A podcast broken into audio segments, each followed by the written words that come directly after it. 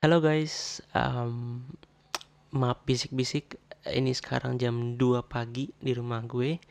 Gue lagi ngedit podcast gue yang ini, which sudah direkam sekitar uh, 2 sampai 3 minggu yang lalu, tapi gue baru bisa ngedit sekarang.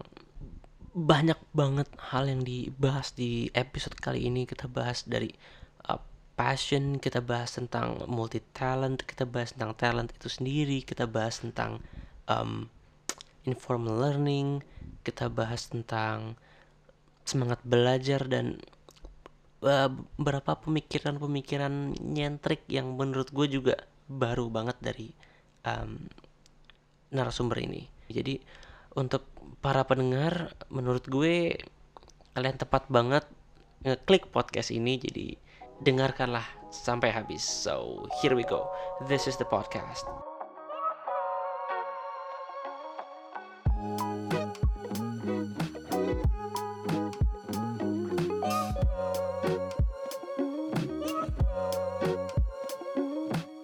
Kalau lu dikasih pressure yang tinggi nanti lu bakal jadi diamond. Tapi kalau pressure-nya kurang tinggi atau rendah lu bakal jadi batu bara. Itu tadi lu harus nanya diri lu sendiri.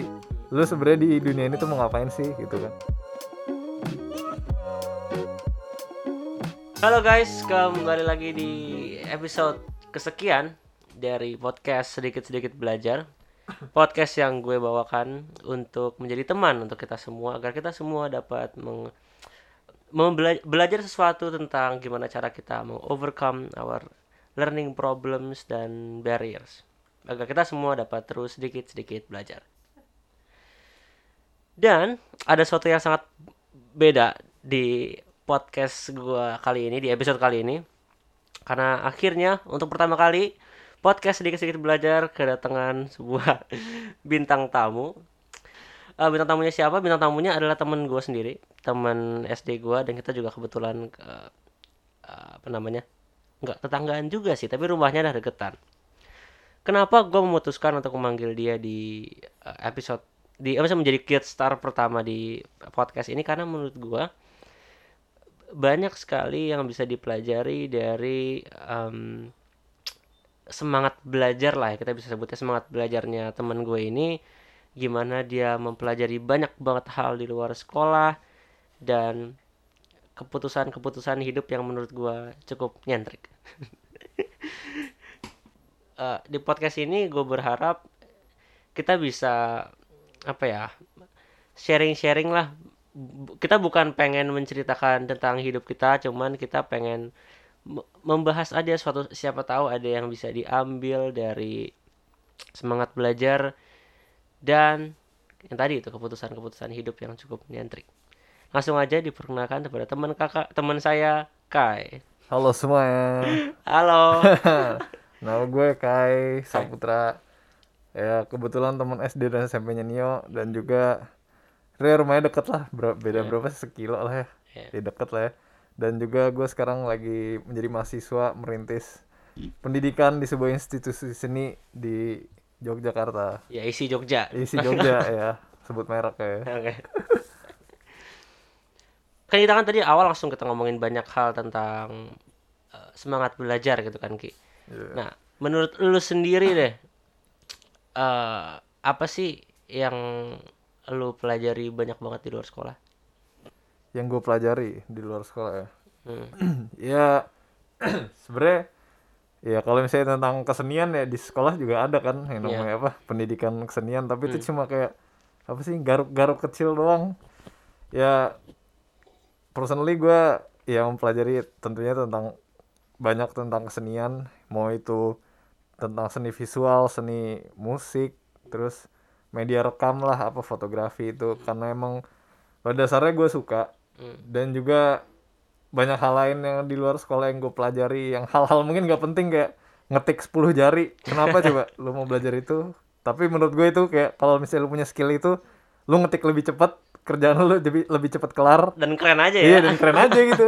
Dilihat wah lu ngetik kenceng banget deh Walau yeah. gue kadang juga cuma tiga, tiga jari doang ya selain itu juga ya iseng-iseng apa sih karena ini udah industri berapa sih 4.0 lah. Yeah. ya belajar sedikit tentang yang namanya coding. Tapi ya. walaupun gue bukan ahlinya tapi ya bisalah dikit-dikit kalau bikin sesuatu yang simpel gitu. Karena mungkin semua orang juga ntar pasti butuh kali ya mungkin. Jadi kayak ya nggak ada salahnya sih belajar banyak karena kayak kemungkinan itu dibutuhkan ntar pas kita udah udah di dunia kerja atau di mana nanti. Oke oke mungkin gua lurusin sedikit dari uh, untuk pendengar-pendengar gue. Jadi Kai ini kan teman SD gua dan sejak SD gue itu melihat dia sebagai apa ya kok uh, teman gue ini udah bisa video editing udah bisa pokoknya kalau waktu kita waktu ada SD ada project bikin video atau project ya bikin video sederhana lah ya itu pasti uh, ya yang ngerjain Kai. Semua pengen satu kelompok dan waktu SD juga itu Kai udah mulai belajar gitar ya kaki iya nah sebenarnya awalnya tuh dari mana sih? Lu belajar banyak-banyak hal kayak gini? Ya sebenarnya awalnya gue belajar banyak-banyak kayak gini ya awalnya dari ini sih apa nyokap gue hmm. awalnya pas gue TK gue disuruh les piano kan. Jadi TK itu? Iya, dari TK terus? Soalnya kata nyokap gue kalau misalkan kamu nggak apa namanya kamu gede nanti nggak dapet kerja at least kamu bisa jadi musisi gitu kan tapi ternyata itu pemikiran yang baru itu tapi ternyata waktu itu gue apa sama piano tuh kurang serak karena terlalu apa sih bukan bukan sama pianonya sih sama kayak cara belajarnya hmm. yang terlalu formal gitu lah ya akhirnya yeah. gue agak stop dikit terus pas SD karena emang nyokap gue nyuruh gue belajar musik waktu itu gitar kayak seru gitu kan hmm. Terus akhirnya belajar gitar di te lagi tempat formal dan nggak masuk ke gue dan, oh lu sempat belajar gitar tempat formal lagi iya di tempat les gitu kan okay. yang pakai buku teks gitu gitu hmm. tapi kayak gue kagak nggak masuk gitu lah ya. Mm. Nah, terus akhirnya yang guru sekolah kita waktu itu guru musik mm. tiba-tiba kan waktu itu dia seru gitu ngajarinnya kan mm. terus gue kayak cepet ngerti akhirnya sama nyokap gue kita privat aja gitu kan mm. ya, akhirnya gue belajar banyak sama dia jadi gue belajar gitar juga dari dia mm. dan ya udah dan sisanya yang gue belajar belajar yang lain ya gue ngulik sendiri dari video YouTube sih sebenarnya hmm. kalau yang tentang ini tentang video editing itu gimana oh kalau tentang video editing awalnya sih ya kan awalnya gue ini sih apa namanya kayak ngeliat-ngeliat di YouTube gitu kan kayak banyak kreator gitu kayak hmm. anjir uh, apa kayak seru-seru gitu kan kayak hmm. apa kocak-kocak gitu ah gue pengen bikin lah hmm. kayak apa skit-skit gitu lah lucu-lucu gitu. Hmm. dan waktu itu gue uh, pas kelas berapa ya? Lupa gue pokoknya gue dikasih HP pertama gue smartphone smartphone. Hmm, smartphone. Nah, karena sebelumnya gue punya Nokia adalah yang bisa main Snake gitu. Gue dikasih smartphone pertama gue dan waktu itu apa videonya eh fitur videonya tuh bisa di pause jadi hmm. kayak akhirnya gue bikin stop motion gitu lah iseng gitu kan. Hmm. ya udah terus habis itu kayak wah seru juga nih gitu kan. Hmm. terus habis itu mulailah uh, waktu itu juga kebetulan uh, bokap gue waktu itu suka fotografi dan hmm. uh, apa kameranya tuh bisa bikin video akhirnya ya upgrade dikit lah. Hmm. pinjem gitu punya bokap gue akhirnya ya udah bikin bikin dikit gitu. Bentar-bentar ini umur berapa ki? Ini ya SD lah kelas berapa sih? Berarti sembilan sepuluh sebelas tahun lah nggak lu gue lupa. Pokoknya berarti SD sebelum kelas enam ya? Iya sebelum kelas berarti sebelum kelas enam itu uh, udah jadi penghuni YouTube? Iya udah orang jadi lama. orang lama ya.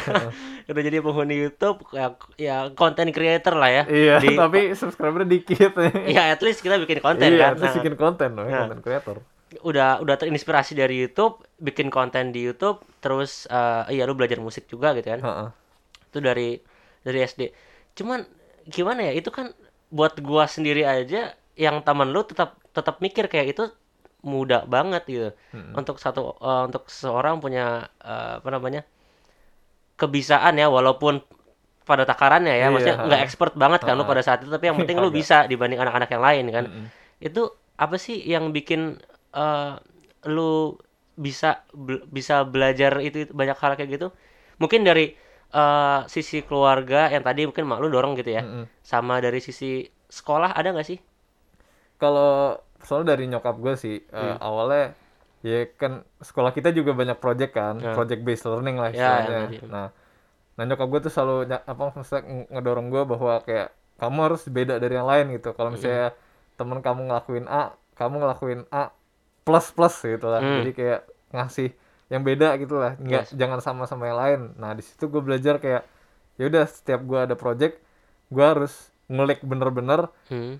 Sehingga project gue nih kayak ekstrim gitu loh kayak lebih menarik gitu gitu pokoknya ya istilahnya kayak kompetitif gitu tapi kayak jadinya sehat jadinya mengembangkan diri gitu loh karena Yes. kompetisi gitu Hmm. Tapi eh, apa namanya? Yang tadi berarti lu bilang harus beda gitu kan. Mm-mm. Dan berarti kalau misal kita ngomongin lu dididik dengan harus beda, berarti se- secara tidak langsung ada dorongan dan keharusan lu buat nge-explore hal-hal lain gak sih? Iya, heeh, bener banget emang heeh, gitu. Soalnya ya pas pas umur umur segitu gue ngeliat teman-teman gue kan kayak, oh berarti kalau misalnya dia bisa ini, gue cari yang lain deh gitu, Hmm. yang yang yang apa namanya, yang unik gitu lah Hmm. ya. Jadi kayak akhir-akhirnya kayak ke tempat-tempat yang nggak jelas gitu, tapi kayak ya udah ya nggak apa-apa belajar aja gitu. Hmm. Nggak ada salahnya siapa tahu ntar berguna gitu. Hmm. Apalagi kita dulu eh, apa namanya problem based learning eh project Project based based. learningnya Heeh. ha, itu pasti bertim kan Mm-mm, iya. dan nanti kita berkolaborasi menghasilkan sesuatu yang lebih unik lagi pada Iya, akhirnya gitu. heeh. Oke, berarti itu SD ya. SD Iya. SD eh, lumayan mendorong. Agak agak nyinggung ke privilege sedikit. Iya, privilege. Lanjut ke SMA. Oh ya gini, berarti kalau kayak gitu turning point lu bisa disebut pada saat SD dong. Oh, turning point sebenarnya kalau SD sih ya eh, discovery kali ya, Oh, bilangnya ya discovery ya. Kayak gua menemukan hal-hal baru yang gue suka gitu. Hmm. Tapi kayak kalau turning point di mana gue tahu bahwa oh kayaknya ini deh yang gue Ya. lakukan tuh kayak SMP sih. Kayak Oke. pas gue udah bener-bener kayak ini dunia yang harus gue geluti gitu. Gua nggak gua nggak mau yang lain gitu. Hmm. Kayak itu SMP sih. Oke, berarti kalau untuk pendengar yang eh, udah dengerin episode pertama gue, di situ gue cerita kan kalau gue mengalami turning point waktu SMP. Hmm. Karena waktu itu gue ikut lomba speech dan alhamdulillah menang dan di situ ya poinnya bukan gue menang tapi the pointnya gue sadar kalau setidaknya gue punya value gitu karena Hmm. waktu SD di saat kayak yang udah belajar video editing dan apa gitu gue baru bisa baca kelas 4 SD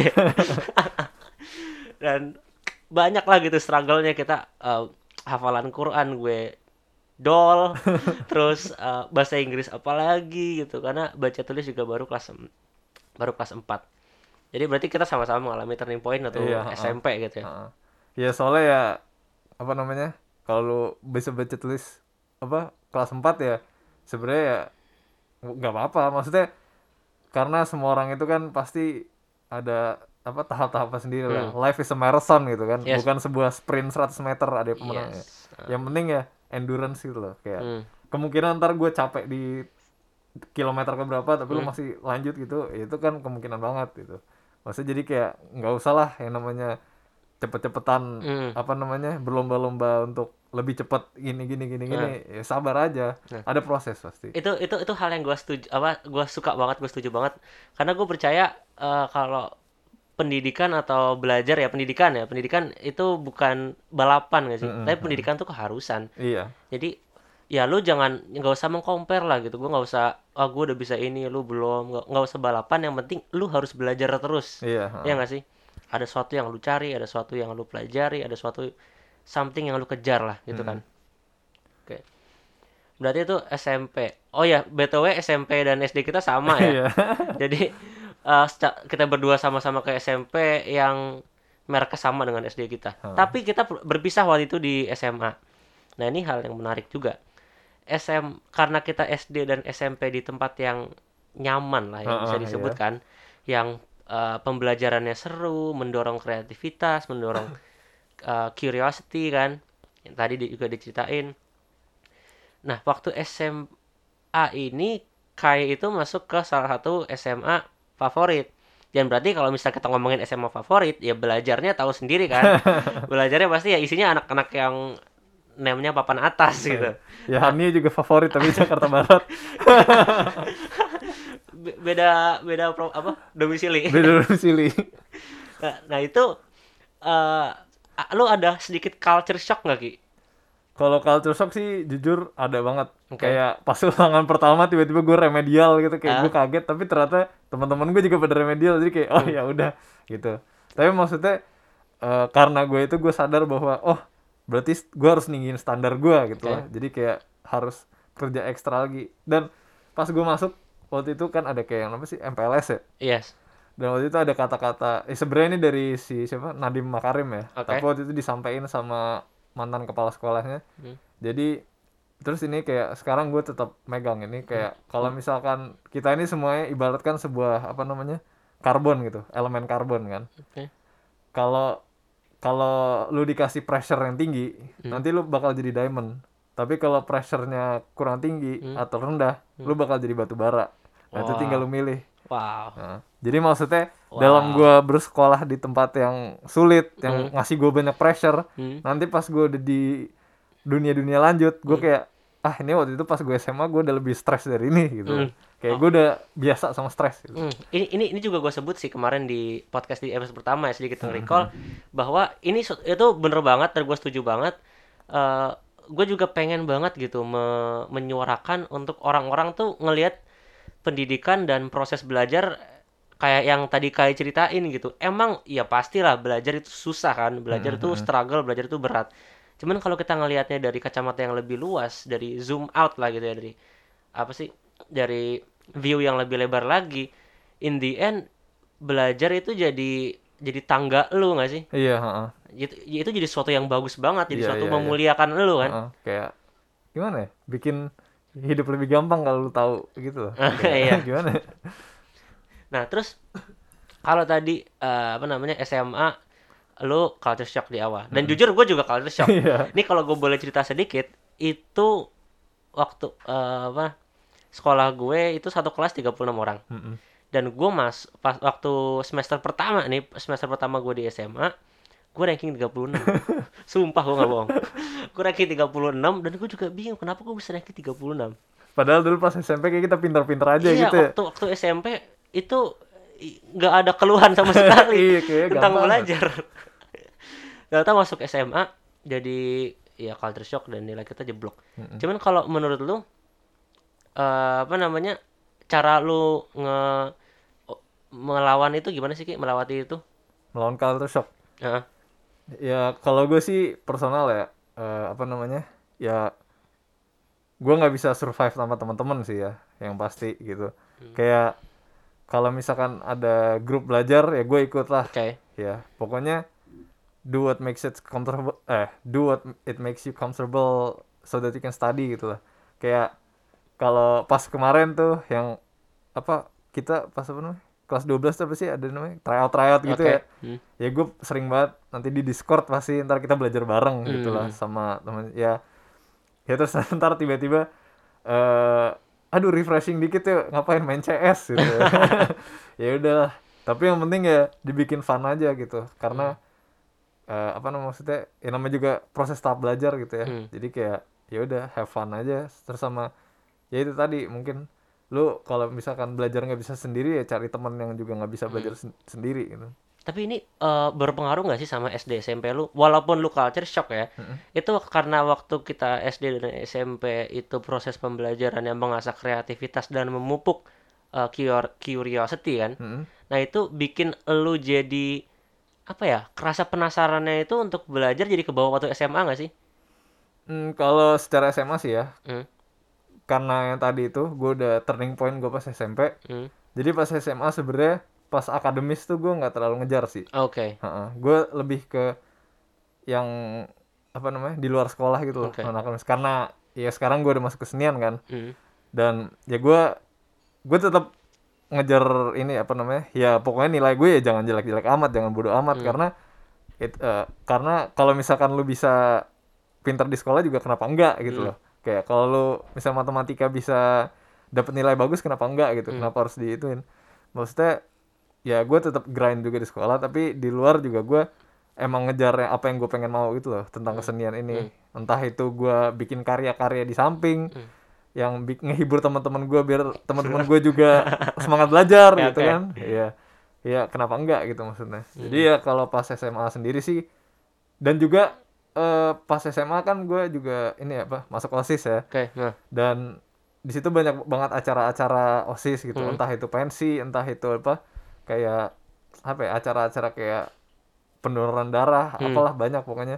Nah di situ itu juga jadi ruang gua sendiri pribadi untuk berekspresi karya-karya gue gitu loh. Jadi kayak oh ini butuh poster oke gue bantuin bikin poster. Hmm. oh ini butuh teaser buat acara ini oke gue yang buat. Hmm. karena emang itu yang gue suka. Dan dan apa ya dan karena gue memiliki kemampuan yang tadi gue search pas SD Hmm. terus turning point gue di SMP pengen banget jadi ini jadi itu memudahkan gue karena pada akhirnya guru-guru tahu dan apa kakak-kakak mentor gue pas osis tahu Hmm. bahwa oh ini emang anaknya niat untuk melakukan ya yang tadi tentang kesenian ini akhirnya gue digampangin gitu loh mas osis karena Oke. mereka tahu bahwa gue bisa ngehandle itu Hmm.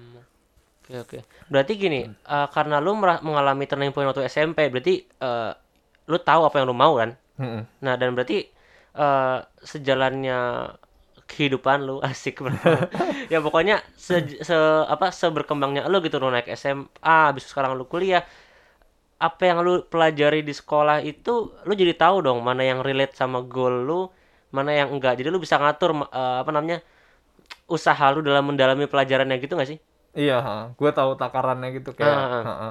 kayak misalkan matematika ya tentu gue butuh matematika, Iya. tapi apa yang bisa gue ambil dari situ? Seperti misalkan skill problem solving, Iya. itu penting banget. Hmm. Critical thinking dalam matematika kayak, oh kalau misalnya nggak bisa pakai rumus ini, pakai rumus ini gitu. Itu tuh gue tetap butuh.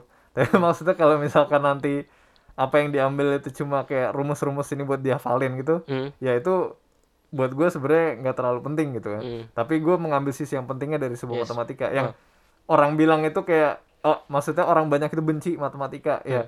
Gue nggak benci matematika, tapi gue tahu porsi apa yang bisa gue Hmm. Yes, ambil dari yes, situ. Itu itu kalau di di apa namanya? analogikan tuh kayak gini gak sih? Kayak lu tahu lu mau masak apa, terus along the way ya lu ngambil ingredients mana yang cocok gak sih? Iya, ha, bener. Kayak kalau mau masak, misalnya nasi goreng, Hah. ini ada apa bawang merah, yang lo ambil ya yang lu perlukan, jangan daun bawang merah yang lo masukin. Nah, kayak ya udah bawang merahnya ya satu potong aja Iya, gitu kan. ha, Ya ha. ngapain lu masih goreng isi bawang merah semua kan? Iya. Oke oke. Dan berarti OSIS itu jadi tempat lu buat eh, apa ya? Langsung mempraktekkan apa yang lu pelajari di luar sekolah gak sih? Iya, bener banget. Itu sebuah kayak wadah gitu. Dan gua nganjurin teman-teman yang dengerin podcast ini ya. Hmm. Asik. untuk kalau misalnya ada kegiatan-kegiatan misalkan apa kemahasiswaan lah inilah ya coba ikut mungkin kalian bakal nge-find apa namanya apa yang kalian mau di gitu di situ dan bisa ngembangin skill juga kalau kalian nggak tahu Hmm, oke oke oke, bener banget. Terus dari situ, oh ya sekarang kan lu berarti masuknya ke apa isi kan, isi ambilnya juga seni murni kan? iya Itu dasar eh, alasan pilihannya apa ki?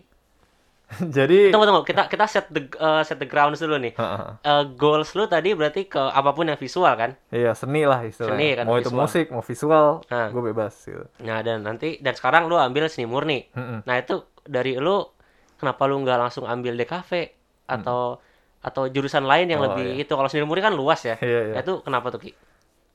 Jujur ya jadi awalnya kan pas SMP turning point gue Yes. dan pas SMP gue kira gue bakal jadi filmmaker Ya. gue suka banget sama film gue suka bikinnya Hmm. pas SMA gue yang tadi masuk osis gue ngerjain banyak banget project Hmm. tapi kebanyakan itu kan teaser Ya. yang which is teaser itu sebenarnya advertising kan Iya. dan waktu itu gue sempat konsul sama ada temennya eh bokap temen gue Hmm. bahwa kayak gue ngasih portofolio gue dan dia bilang kayak eh kamu ya maksudnya kamu masuk film nggak apa-apa tapi kamu karya karya selama ini tuh lebih ke advertising gitu loh. Hmm. jadi lebih masuknya di cafe gitu kan. Kayak oke ya udah. Terus gue ngambil itunya ya gue berusaha masuk di cafe kan awalnya. Eh waktu itu ya akhirnya gue ngejar DKV itu kan di Bandung waktu itu. Tapi nggak nggak keterima kan. Dan cadangannya waktu itu seni murni. Kenapa seni murni? Waktu itu gue mikir kalau gue masuk isi Jogja Hmm. It- sebenarnya ini berlaku untuk semua ke kampus yang kesenian ya Iya. maksudnya semua fakultasnya kan kesenian Hmm. jadi kayak ada musik ada gitu gitulah semuanya dan di sana kayak gue ngeliat kayak oh gue bisa belajar gue bisa belajar lebih banyak di luar kampus gitu sama teman-teman gue yang lain Hmm. Eh, dibanding gue cuma masuk apa misalkan di kafe doang gitu kan Hmm. jadi kayak oh ya nggak apa-apa gitu gue masuk seni murni tapi ya di situ ilmunya gue ambil yang nggak gue nggak perlu ya buang yang yang sisanya yang gue suka yang mau gue belajar lagi ya gue belajar di luar kampus karena emang lingkungannya udah mendukung kan Hmm. Nah, berarti kalau misalnya kita eh, apa namanya udah kita ulik dari Kai ini berarti lu itu kan punya banyak curios- curiosity kan. Mm-mm. Dan lu sering banget belajar eh, dari orang lain, dari YouTube gitu kan. Mm-mm. Dan berarti tadi gitu walaupun eh, lu eh, nggak jadi masuk di kafe dan akhirnya masuk seni murni, ternyata seni murni pun sendiri eh, ngasih lu lingkungan yang mendukung banget buat lu melakukan formal learning kan iya ha-ha. lu bisa belajar di kanan dari kiri gitu-gitu Mm-mm. oke oke berarti lo ini bisa dibilang orang yang udah nemuin passion dari umur yang sangat muda Mm-mm. ya bisa dibilang begitu. Tapi kalau kalau menurut lo passion tuh apa sih? Kalau menurut gue passion tuh apa ya? Sesuatu yang ya kalau misalnya sekarang orang bilang kan yang apa passion is bullshit lah lah ya kayak ya emang itu bener sih. Maksudnya kayak terlalu diglorifikasi gitu sama orang. Karena pasti selalu dipakai alasan untuk kayak saya lu kerja terus ntar lu keluar karena apa? Bukan passion gue. Hmm. tapi menurut gue passion tuh ya apa ya kayak istilahnya justifikasi lu kayak kenapa lu di dunia ini gitu loh. kayak sebuah purpose yang pengen lu lakukan gitu. Kayak kalau misalkan lu di dunia ini gak ada pegangan lu mau ngapain gitu. Dunia ini kan cuma batu yang berada di angkasa luas Hmm. ini yang muter-muter gitu lah. Kayak kalau lu nggak ada purpose di hidup ya lu mau ngapain gitu? Mat cuma numpang ada di sini terus mati aja gitu. Ya enggak kan? Hmm. ya kalau lu nggak ada pegangan pegangan apa apa ya selain agama gitu. Hmm. ya lu mau ngapain gitu. Menurut gua passion itu ya sesuatu yang pengen lu kejar gitu. Eh, doesn't matter how how hard it is kayak lu kejar-kejar aja gitu. Maksudnya kayak nggak mau berhenti di situ. Jadi kalau misalnya lu kerja terus keluar karena bilang ini bukan passion gue ya menurut gua ya emang itu bukan passion lu ngapain lu ya passion lu apa gitu maksudnya. Kalau misalnya lu masuk di kerja desain terus lu keluar ini kemudian karena lu nggak bisa ngehandle pressure itu ya kenapa lu bilang passion lu desain? Kan Hmm. berarti kalau lu bilang passion lu desain berarti lu rela mati. Untuk lu desain. rela ya untuk desain. Maksudnya lu ngepush ngepush sendiri sampai lu sukses di desain itu ya passion lu. Hmm. kalau misalkan lu apa cuma seminggu tiba-tiba bosen ya itu bukan passion lu maksudnya. Hmm, jadi itu pokoknya apa yang yang nyala terus dalam diri lu nggak sih kalau lu ketemu dalam satu bidang? Iya, pokoknya ya istilah passion itu apa yang apa yang membuat lu bangun di tiap hari dan ingin melakukan ya menjalankan hidup lah istilah gitu. Oke oke. Tapi karena kembali lagi gitu, kayak ini kan orang yang sudah menemukan passionnya di umur yang sangat muda. Tapi menurut lu eh, buat orang apa pendapat lu tentang orang-orang yang sampai sekarang belum nemu passion? Dan itu banyak banget kan, yang umuran um- apalagi umuran kita gitu. Hmm. Gimana tuh? Kai? Ya menurut gua eh ya it's never too late ya. Hmm. Kayak ya bisa aja lu tiba-tiba dapet ilham gitu besok, tapi kayak eh itu tadi lu harus nanya diri lu sendiri. Hmm. Lu sebenarnya di dunia ini tuh mau ngapain sih gitu kan? Kayak lu harus cari tahu purpose lu gitu. Selain agama ya, selain lu men- menuju surga gitu. Hmm. pasti lu punya purpose lah ya jadi kayak ya kalau misal ya lu harus tanya ya sa- satu pertanyaan yang biasa gue tanya ke diri gue sendiri juga sukses menurut gue tuh apa sih Hmm. apakah sukses itu dengan lu memiliki banyak duit Hmm. apakah sukses itu dengan lu memiliki karya yang disukai oleh banyak orang Hmm. nah itu bisa salah satu yang ngedrive nanti passion lu keluar gitu kayak misalkan passion gue itu adalah eh, untuk memiliki banyak duit Hmm. Nah, dari situ lu bisa tahu berarti gimana caranya lu pu- bisa punya banyak duit gitu. Oke. Apakah itu dengan kerja 9 to 5 job Hmm. ataukah lu mengambil semua resiko menjadi pejudi profesional? Iya, pokoknya ya lu harus cari tahu sendiri Oke. goals lu apa. Karena kalau misalnya lu udah tahu goalsnya, lu bakal tahu jalan jalan apa aja yang bisa lu tempuh ke Oke. goals itu. Kayak misalnya lu mau ke Senayan, Hmm. lu bisa lewat belakang DPR, Ah. atau lu bisa lewat es Parman ya bebas mau lewat mana Ya, aja oke, gitu kalau misalkan satu jalan ada tabrakan lu nggak bisa lewat situ oh lu bisa lewat yang lainnya gitu Hmm. kayak kayak gue tadi Hmm. gue pengen nanti misalkan di mau jadi sebuah apa seniman visual Hmm. tadinya gue nggak keterima di Bandung Hmm. ya gue masih bisa lewat Jogja gitu loh Berarti uh, passion itu something uh, yang se- selain itu tujuan lo itu juga membantu gimana caranya lu bisa mencari jalan sampai situ gitu iya benar benar dan tadi lu juga bilang never too late kan Mm-mm. berarti untuk teman-teman kita juga yang uh, umur segini oh yang banyak banget lah pasti ya yang belum tahu passionnya apa it's okay. Ya it's okay lah. Ah. karena ya lu lihat aja billionaire billionaire sekarang udah tua tua boy. Mereka baru sukses juga kapan gitu. Kayak it's never too late ya. Mungkin kalau misalnya kita lihat kayak udah ada billionaire yang umur 17 tahun Hmm. millionaire umur segini kayak minder kan pasti kayak. Tapi ya itu dia. Hmm. lu bukan dia gitu. Maksudnya jalan lu beda mungkin kan karena tak pasti ada yang harus dia korbankan dan itu pasti gede banget Hmm. dan ya pokoknya ya tadi kan equivalent exchange pasti Hmm. ada yang harus dikorbankan demi kesuksesan Oke. Nah, berarti um, oke. It's never too late buat cari passion lu. Tapi eh, bener nggak nih gue ini pe- pendapat gue ya dan gue, tadi gue juga bisa simpulkan yang penting adalah untuk gimana kita terus cari passion kita nggak sih? Karena kalau misal orang-orang bilang passion is overrated gitu. Sosial kehidupan sosial kita kan bukan mendorong kita buat menemukan passion buat udah buat tahu passion kita, tapi lingkungan kita tuh mendorong kita buat cari tahu terus nggak sih passion kita. Jadi Iya. yang penting ya lu ya udah cari aja terus Hmm, karena yang tadi lu bilang along the way lu bakal nyicipin banyak hal dan lu bakal sedikit-sedikit belajar iya sedikit belajar sedikit-sedikit banyak belajar banyak hal gitu kan Heeh. dan eh, dan kalau kayak gitu lu percaya nggak sih ki kalau passion tuh bakal berubah? Kalau yang gua alami ya eh, berubah sih pastinya. Hmm. dan kayak gimana tuh? Ya sebenarnya gini pas gua SD ya tadi kan gua nyicipin banyak hal gua kira passion gua di sini. Kayak waktu itu bikin game lah coding lah gini lah gua kira bakal di situ. Hmm. dan ternyata eh gue stuck gitu kan.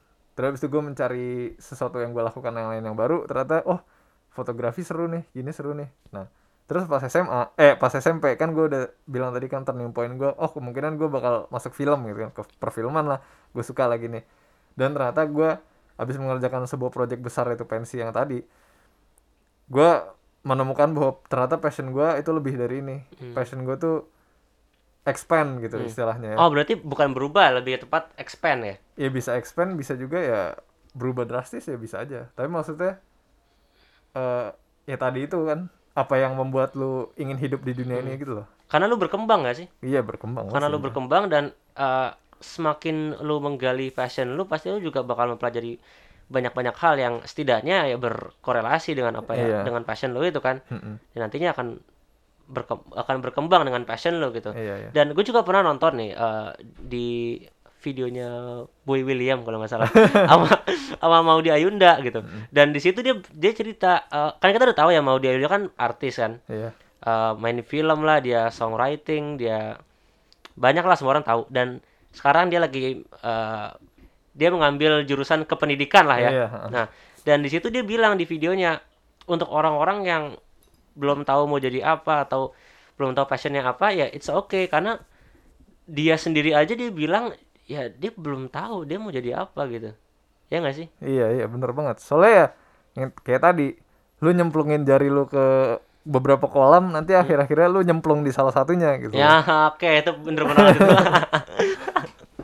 Dan kalau misalnya kita ngomongin passion, eh, banyak kaitannya dengan talent kali ya. Mm-mm. Em, menurut lu talent itu, soalnya ini kalau subjektif gue ya, gue sampai sekarang belum menemukan definisi eh, talent itu sendiri karena ya gue kalau melihat bayi lahir semuanya ya immature semua sama gitu. Gue belum tahu lah kalau dalam diri gue sendiri tuh gue belum tahu what is talent. Kalau menurut lu apa? Iya, gue bukan ahli ya, tapi ya secara kalau gue lihat sih kesimpulan gue ya kalau misalnya ada orang bilang misalkan eh kalau misalnya kita lihat di sepak bola ibaratnya ya, karena ada Oke. Lionel Messi, ada Ronaldo. Nah, kebanyakan bilangnya Messi is talented, Ronaldo has the hard work gitu kan. Oke, oke. Nah, menurut gua talent itu ya kan sesuatu yang dibawa dari lahir ya, dan Hmm. itu nggak bisa. Ya kalau misalnya lu lihat, misalkan di juga di misalnya di video games gitulah, Hmm. orang-orang e-sports gitu.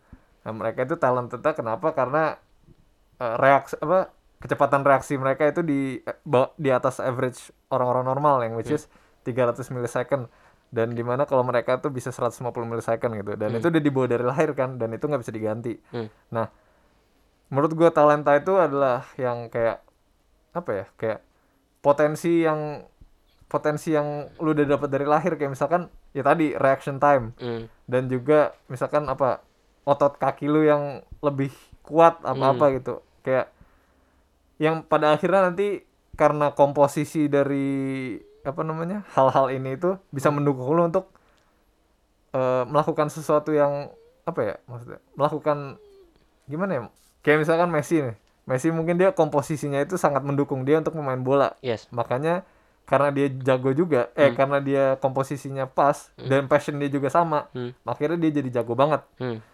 dan kalau misalkan kayak lu pemain gitar mungkin apa talenta lu itu sebenarnya dek apa kelincahan jari lu Hmm. atau kemampuan otak lu untuk mendengar hal-hal yang audiofonik eh mengerti aud- hal-hal yang audiofonik itu sangat bagus Hmm. akhirnya karena passion lu juga main gitar akhirnya itu jadi sebuah simfoni gitu kan Oke oke. Terus kalau misalnya pendapat lo apa sih tentang orang-orang yang kamu kayak ya ya udah talent ya gue suka nyanyi nih Mm-mm. gue mungkin passion di nyanyi cuman gue ah kayaknya suara gue cempreng gue susah banget kayaknya belajar nyanyi gitu. Dan ternyata gue mungkin dibilang nggak bertalenta di bernyanyi. Nah menurut lo gimana? Ya kalau menurut gue ya sebenarnya apa yang lu suka itu bisa lu lakuin. Oke. Tapi apakah ada orang-orang yang misalkan lebih pas untuk melakukan itu? Ya pasti hanya ada. Hmm, hmm. maksudnya mungkin komposisi lu untuk menjadi penyanyi mungkin suara lu ya tadi kan cempreng. Hmm. tapi kemampuan lu untuk mengerti nada itu emang dari sananya dari otak lu terbuat itu lebih baik dari beberapa orang yang lain gitu misalnya ya kalau memang passion lu tentang musik mungkin lu bisa bukan menjadi penyanyinya mungkin lu bisa jadi songwriternya Hmm. atau komposernya Oke. ya menurut gue sih kalau ya itu tadi Berarti berarti eh, menurut lu dan ini sama banget sih sama pendapat gue. Kalau sebenarnya dunia ini semua tentang komposisi nggak sih? Iya Kayak semua itu netral, semua orang itu sama, yang beda cuma di komposisinya aja. iya Kalau dilihat in terms of talent yang Hmm. tadi dibilang gitu kan. Karena apa tadi lu bilang ada apa? Take Oh. what equal equivalent oh rule of equivalent exchange Ah. Iya. jadi pokoknya ya is- ya pokoknya sebenarnya itu apa yang apa ya gimana cara jelasnya kayak sesuatu yang lu dapat. Dapatkan itu ada sesuatu yang harus dikorbankan dan dengan sama derajatnya gitu Oh iya, ini berarti eh, nyambung sama yang tadi dari awal kita bahas kayak ini eh, didukung eh, dengan lingkungan keluarganya, didukung juga dengan lingkungan sekolah. Itu kan berarti privilege dan Mm-mm. dan privilege ada sesuatu yang sensitif sekarang kalau kita bahas. iya Karena kalau kita ngomong itu privilege gue, nanti pasti orang-orang bilang ya gitu. gue nggak dapet gitu Itu Iya. jadi sesuatu ya disprivilege gitu buat mereka gitu tapi itu nyambung juga nggak sih sama uh, equivalent exchange yang lu bilang tadi?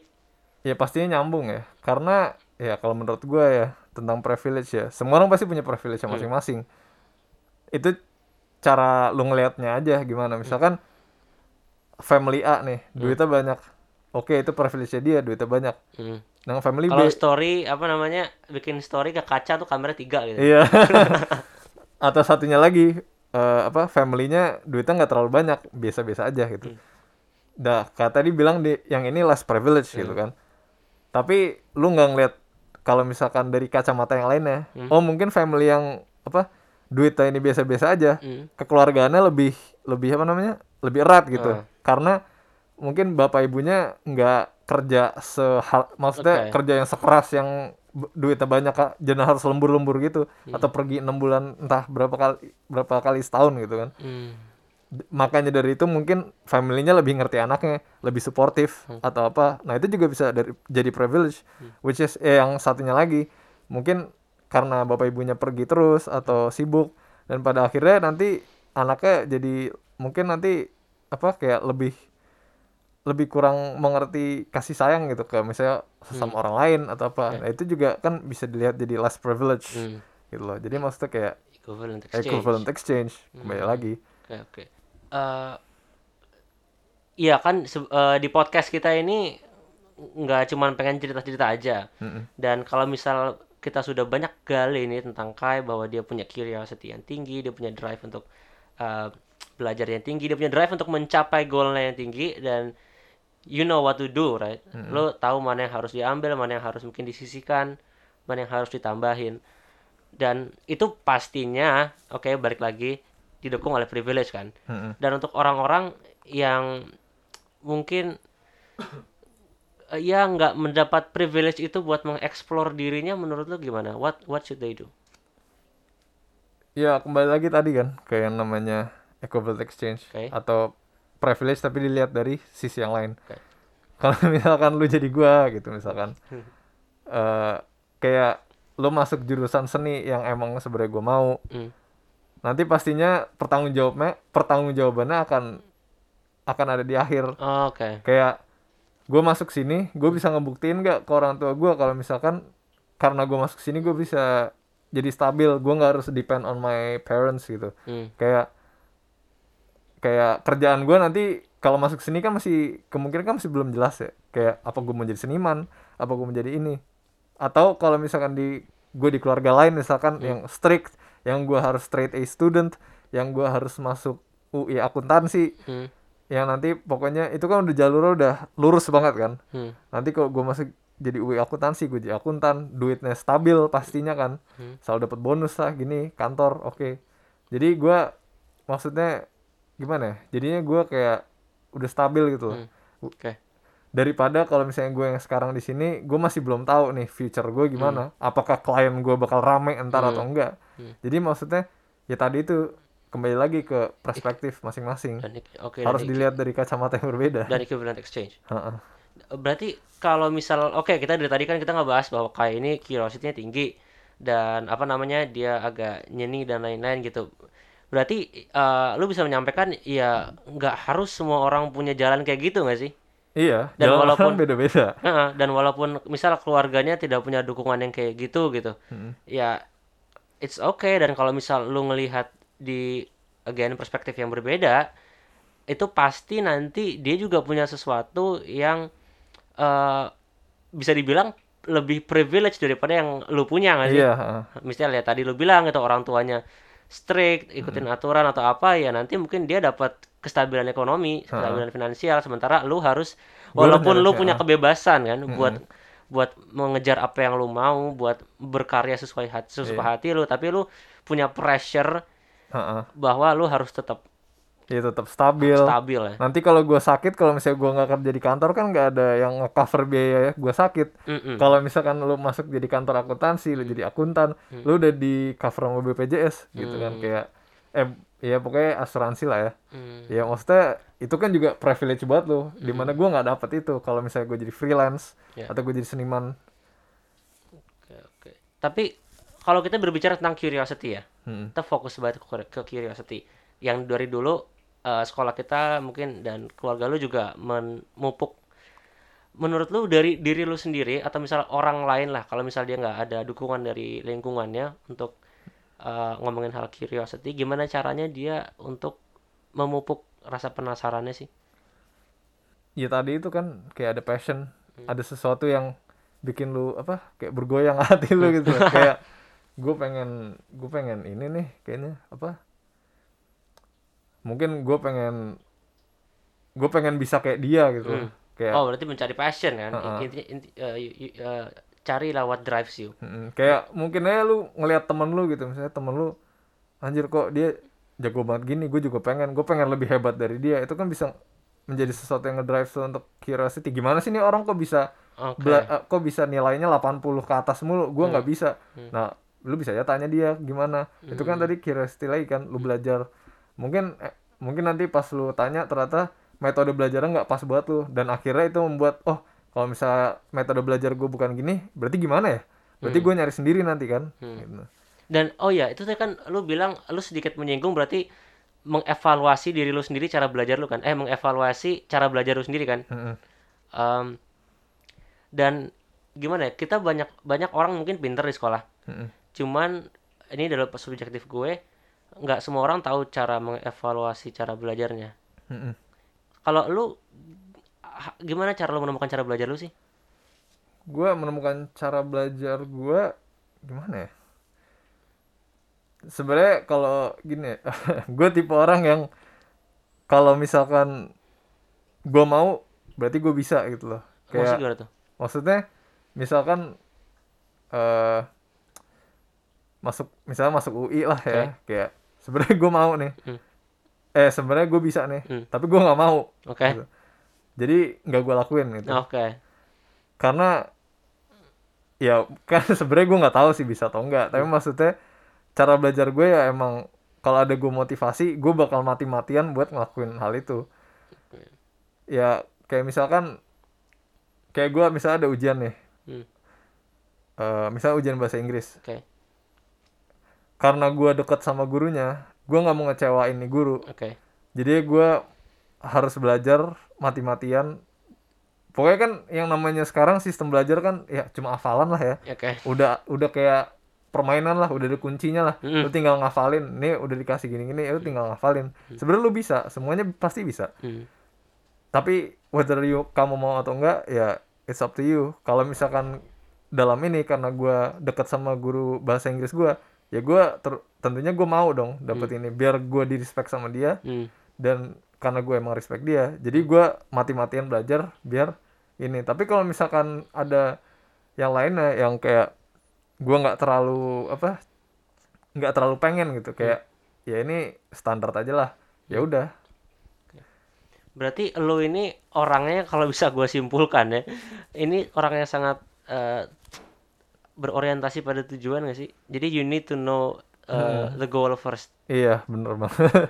Jadi kayak bisa disimpulin Jadi saya lu, juga baru tahu ya kayaknya jadi Dia juga lu lu kayak apa sih namanya tuh? Lu lempar dulu eh, rantai lu habis itu lu tarik aja terserah lu mau kebanting-banting ke mana yang penting lu tarik terus gitu. iya bener banget kayaknya iya gue juga baru nyadar aja sekarang sumpah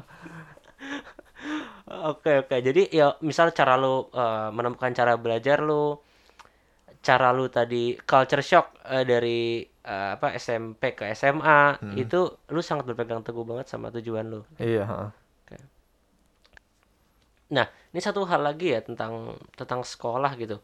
Ya walaupun kita kan berdua SD SMP-nya nyantai gitu kan dan kita sempat ngalamin culture shock di SMA. Tapi eh, dan gue sempat bimbel waktu itu. Heeh. gue bimbel eh, dan ya gue menya- men- menyamakan prestasi belajar gue dengan teman-teman lewat bimbel dan lu nih orang yang nggak pernah bimbel Ki. dari SD tuh kayaknya kita udah tahu gitu kayak oh ya ini bocah emang nggak mau bimbel. Nah itu kenapa menurut lu? Kenapa gue nggak bimbel? Soalnya kan gimana ya, yang pertama eh, menurut gue prinsip gue waktu itu gue dengar dari gue lupa dari mana. Pokoknya manusia itu secara apa secara natural itu dibuat dibagi menjadi tiga tahapan lah. Da- pok- pokoknya waktu dalam 24 jam itu sebenarnya dibagi tiga tahap lah. Ya. istilahnya 8 jam untuk bekerja atau pas kita jadi pelajar ya belajar. Ya. 8 untuk rekreasi di mana di situ gua kalau nggak gua biar nggak kita nggak insane gitu ya antara kita main game atau nongkrong bareng temen Hmm. atau mengerjakan passion project dan yang 8 lagi untuk istirahat tapi itu tentunya dalam satu hari itu ya digabung-gabungin. Bukan nggak mungkin 8 jam belajar Langsung doang. Ah. pasti nanti kayak ada break lah misalkan berapa dua jam gitu. Tapi pokoknya di kalau pas diakumulasi ya 888 oke. Dan juga kenapa gua gak bimbel karena menurut gua lu bisa mencari ilmu gimana ya? Nggak dari situ aja. Iya nggak dari situ aja. Maksudnya ada yang lebih worth it gitu Da- dengan uang yang lu kasih ke bimbel da dan ya pokoknya menurut gua ada cara-cara yang lebih worth it Oke. kayak misalkan video online tutoring yang lebih murah tentunya. Atau juga apa ya kayak kalau misalkan gue sendiri ya secara pribadi gue nggak gue nggak ngediskredit orang yang bimbel atau apa. Ya. maksudnya kalau gue secara pribadi bahwa kalau misalnya gue nggak bimbel gue nunjukin bahwa diri gue sendiri itu kayak gue yakin sama diri gue sendiri. Gue nggak perlu dia gue nggak perlu bimbel. Oke. Gue pengen nunjukin ke orang-orang lain kalau bimbel tuh nggak perlu lu percaya aja sama diri lu sendiri gitu loh Oke. Oke, Berarti kalau kalau ya dari yang gue lihat ya, lu eh, lu udah tahu apa tujuan lu, terus tadi lu punya prinsip juga eh, 8 kali 3 itu kan.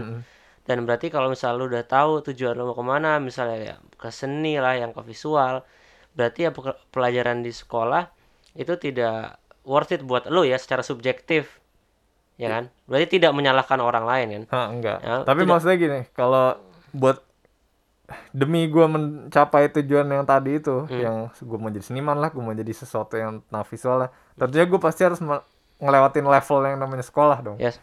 dan berarti gue juga harus dapat nilai yang bagus yes. maksudnya gue bukannya bodoh amat tentang pelajaran hmm. sekolah ya gue tetap harus grind dong hmm. karena it's part of the game gitu yes. it's part of the system di mana kalau misalnya gue mau masuk perguruan tinggi yang bagus ya gue harus belajar hmm. ya gue gue nggak bisa melalaikan itu hmm. gue nggak bisa maksudnya ya gue harus main di situ hmm. tapi gue pengen main di mana gue bisa nunjukin gitu loh oke okay. berarti um, di sisi lain lu tadi kan juga bilang kalau misal lu punya pilihan ya lu bisa belajar sendiri di, di video tutorial atau platform-platform belajar online gitu kan hmm. cuman uh, sekali lagi kita kan nggak nggak diskredit yang ikut bimbel hmm. dan sebenarnya itu cuman perbedaan di gaya belajar aja nggak iya bener banget dan setiap orang kan perlu fasilitas belajar yang beda-beda. Hmm. Dan kalau misal kita udah bahas dari tadi kayak ini punya curiosity yang tinggi, yang sebenarnya kalau misal kita berbicara tentang belajar mandiri, curiosity itu menjadi modal utama. Iya, benar banget. Dan apa namanya?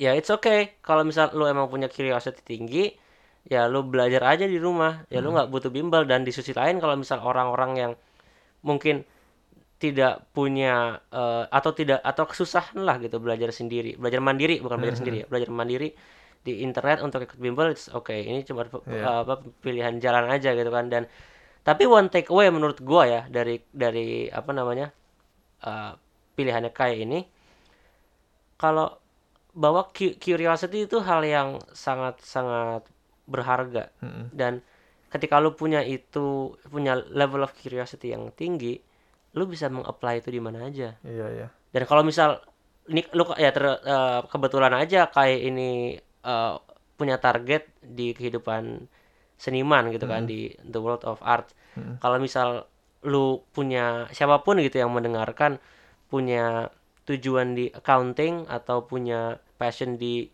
HR atau di mana ya it's okay. Dan as long as kita punya curiosity yang tinggi lu bisa nge-apply itu di mana aja. Lu bisa belajar di bimbel dengan sangat giat. Lu bisa uh, cari-cari uh, video di YouTube dengan sangat giat because of that curiosity hmm, ya. Hmm. karena ya, ya itu tadi kalau misalnya lu curious pasti lu pengen tahu dong. Huh? dan lu pasti ah, pada akhirnya niat menggali itu. Hmm. kayak kalau misalkan gimana ya ibaratnya. Kayak misalnya lu curious nih ngelihat lampu gitu kan hmm. ini lampu kok bisa nyala gitu hmm. pasti nanti lu buka lampunya lu hmm. cari tahu nih gimana sih cara dia nyala dan pada hmm. akhirnya lu tahu gitu hmm. ya makanya itu curiosity itu sangat berharga dan hmm. menurut gua ya itu bisa jadi drive yes bener banget gua sangat setuju uh, dan banyak kan orang suka ngomong gini ya suka bilang ah udah tua susah belajar gitu dan anak kecil bocah-bocah gitu kan hmm. suka dikit-dikit itu apaan pak itu apaan uh. bu gitu kan terus orang juga sering ngomong learn like a kid hmm. karena kalau kita lihat modalnya anak-anak kecil tuh ya curiosity gak sih? Iya, mereka nggak tahu apa-apa, hmm. sehingga maka itu mereka bisa belajar dengan itu. Sedangkan kita yang saya udah lebih tua, kayak kita udah tahu gimana sih caranya dunia ini bekerja. Pada hmm. akhirnya kita sombong sendiri kayak, hmm. ah gue udah tahu gitu. Hmm. Padahal sebenarnya jangan kayak gitu. Sebenarnya kayak apa emang bener?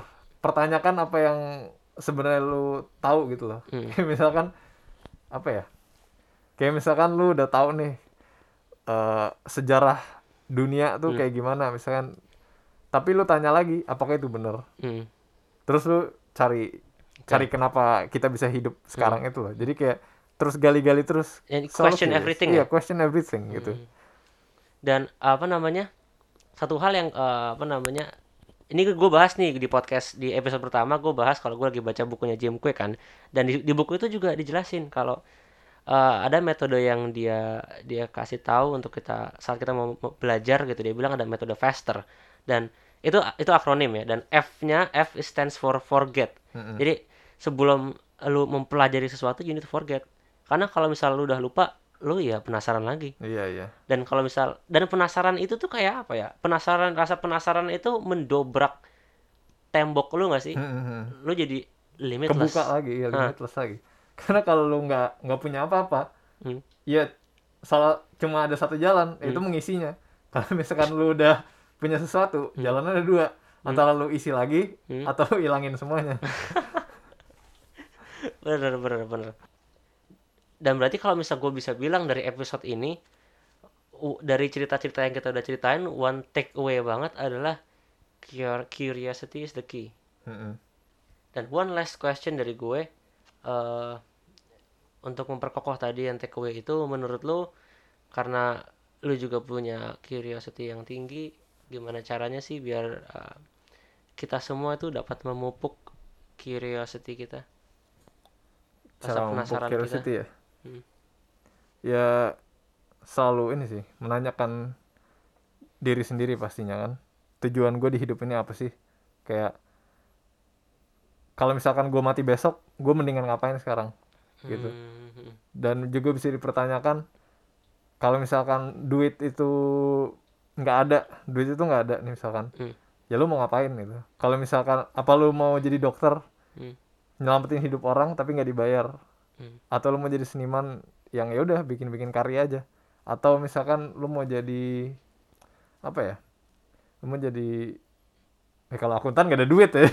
Kalau akuntan gak ada yang bisa dihitung ya. Iya ya ya pokoknya selalu mempertanyakan hal-hal kayak gitu. Misalnya gue mati besok gue sekarang mendingan ngapain nih? Hmm, kalau misalkan ya tadi nggak ada yang namanya duit nggak ada ya gue mending ngapain? Apakah gue pengen long hours di kantor hmm, atau gue pengen jadi atlet akrobat Hmm. atau apa ya selalu pertanyakan ya pertanyakan diri sendiri aja sih sebenarnya. Berarti untuk mem- memupuk rasa penasaran kita menurut lu dasarnya adalah satu pertanyaan itu apa sih yang lu mau? Iya apa sih yang mau lu lakuin kalau di dunia ini nggak ada duit? Apa sih purpose lu gitu pokoknya? Ya tadi itu cuma kayak sebuah pertanyaan Hmm. yang bisa lu tanyakan diri sendiri tapi maksudnya ada pertanyaan-pertanyaan lain yang bisa lu gali dalam diri sendiri. Kalau misalnya lu lu mencari purpose gitu lah di hidup. Look at yourself lah ya. Nah, look at yourself lah. Pokoknya kita ini berada di batu yang terbang. Inilah. Kalau misalkan apakah kita sebuah accident? Nggak ada yang tahu. Hmm, ya pokoknya istilahnya ya menurut lu gimana sih cara apa namanya mengisi masa hidup lu ini di dunia ini? Karena waktu itu sebenarnya nggak nggak panjang kali ya kalau misalnya kita lihat hmm. secara ini. Kita cuma pu- punya ya kurang lebih 63 tahun. Serem banget. 63 tahun atau bonus gitu. Hmm. untuk hidup ya lu mendingan ngapain sih? Kalau iya gitulah pokoknya. Dan kalau misalnya udah pertanyakan itu sendiri pasti nanti lu bakal curious gitu lah. Ya itu sebenarnya tadi curiosity ke diri sendiri kan. Hmm. namanya nanya-nanya. Ya pokoknya question everything sih sebenarnya itu itu hal mendasar banget yang bisa lakuin ke dalam diri lu sendiri ya iya Oke. Oke. Sepertinya itu sudah panjang pembicaraan kita. Dan ini for the record aja, sebelum eh, kita merekam podcast ini, kit- eh, gue dan Kai sudah melakukan pre-interview selama tiga jam lebih kayaknya. Ternyata udah- itu konten lebih bagus sebenarnya tapi nggak direcord ya semoga konten yang kita rekam sekarang ini ya sama lah sama yang tadi kita pre-interview. Dan semoga eh dari episode kali ini kita semua bisa intinya berarti ya episode ini ngebahas semua tentang curiosity dan bagaimana curiosity ini bisa eh, membawa Kai ini jadi sedikit-sedikit belajar banyak banget hal ya yang yang tadi kita juga udah bahas gitu belajar sedikit-sedikit belajar banyak hal akan memberikan dampak positif juga ke whatever you will be doing in the future kan? Hmm, iya iya kayak gitu. So semoga kita semua bisa sedikit-sedikit belajar hari ini. Terima kasih Kai udah Ya, menjadi guest star sama-sama. pertama. Terima kasih sudah mengundang saya ke sini. Nanti diundang kembali di episode-episode selanjutnya. Eh, sa- saya Hande Sekiamuni sampai jumpa di episode selanjutnya dan jangan lupa sedikit-sedikit belajar.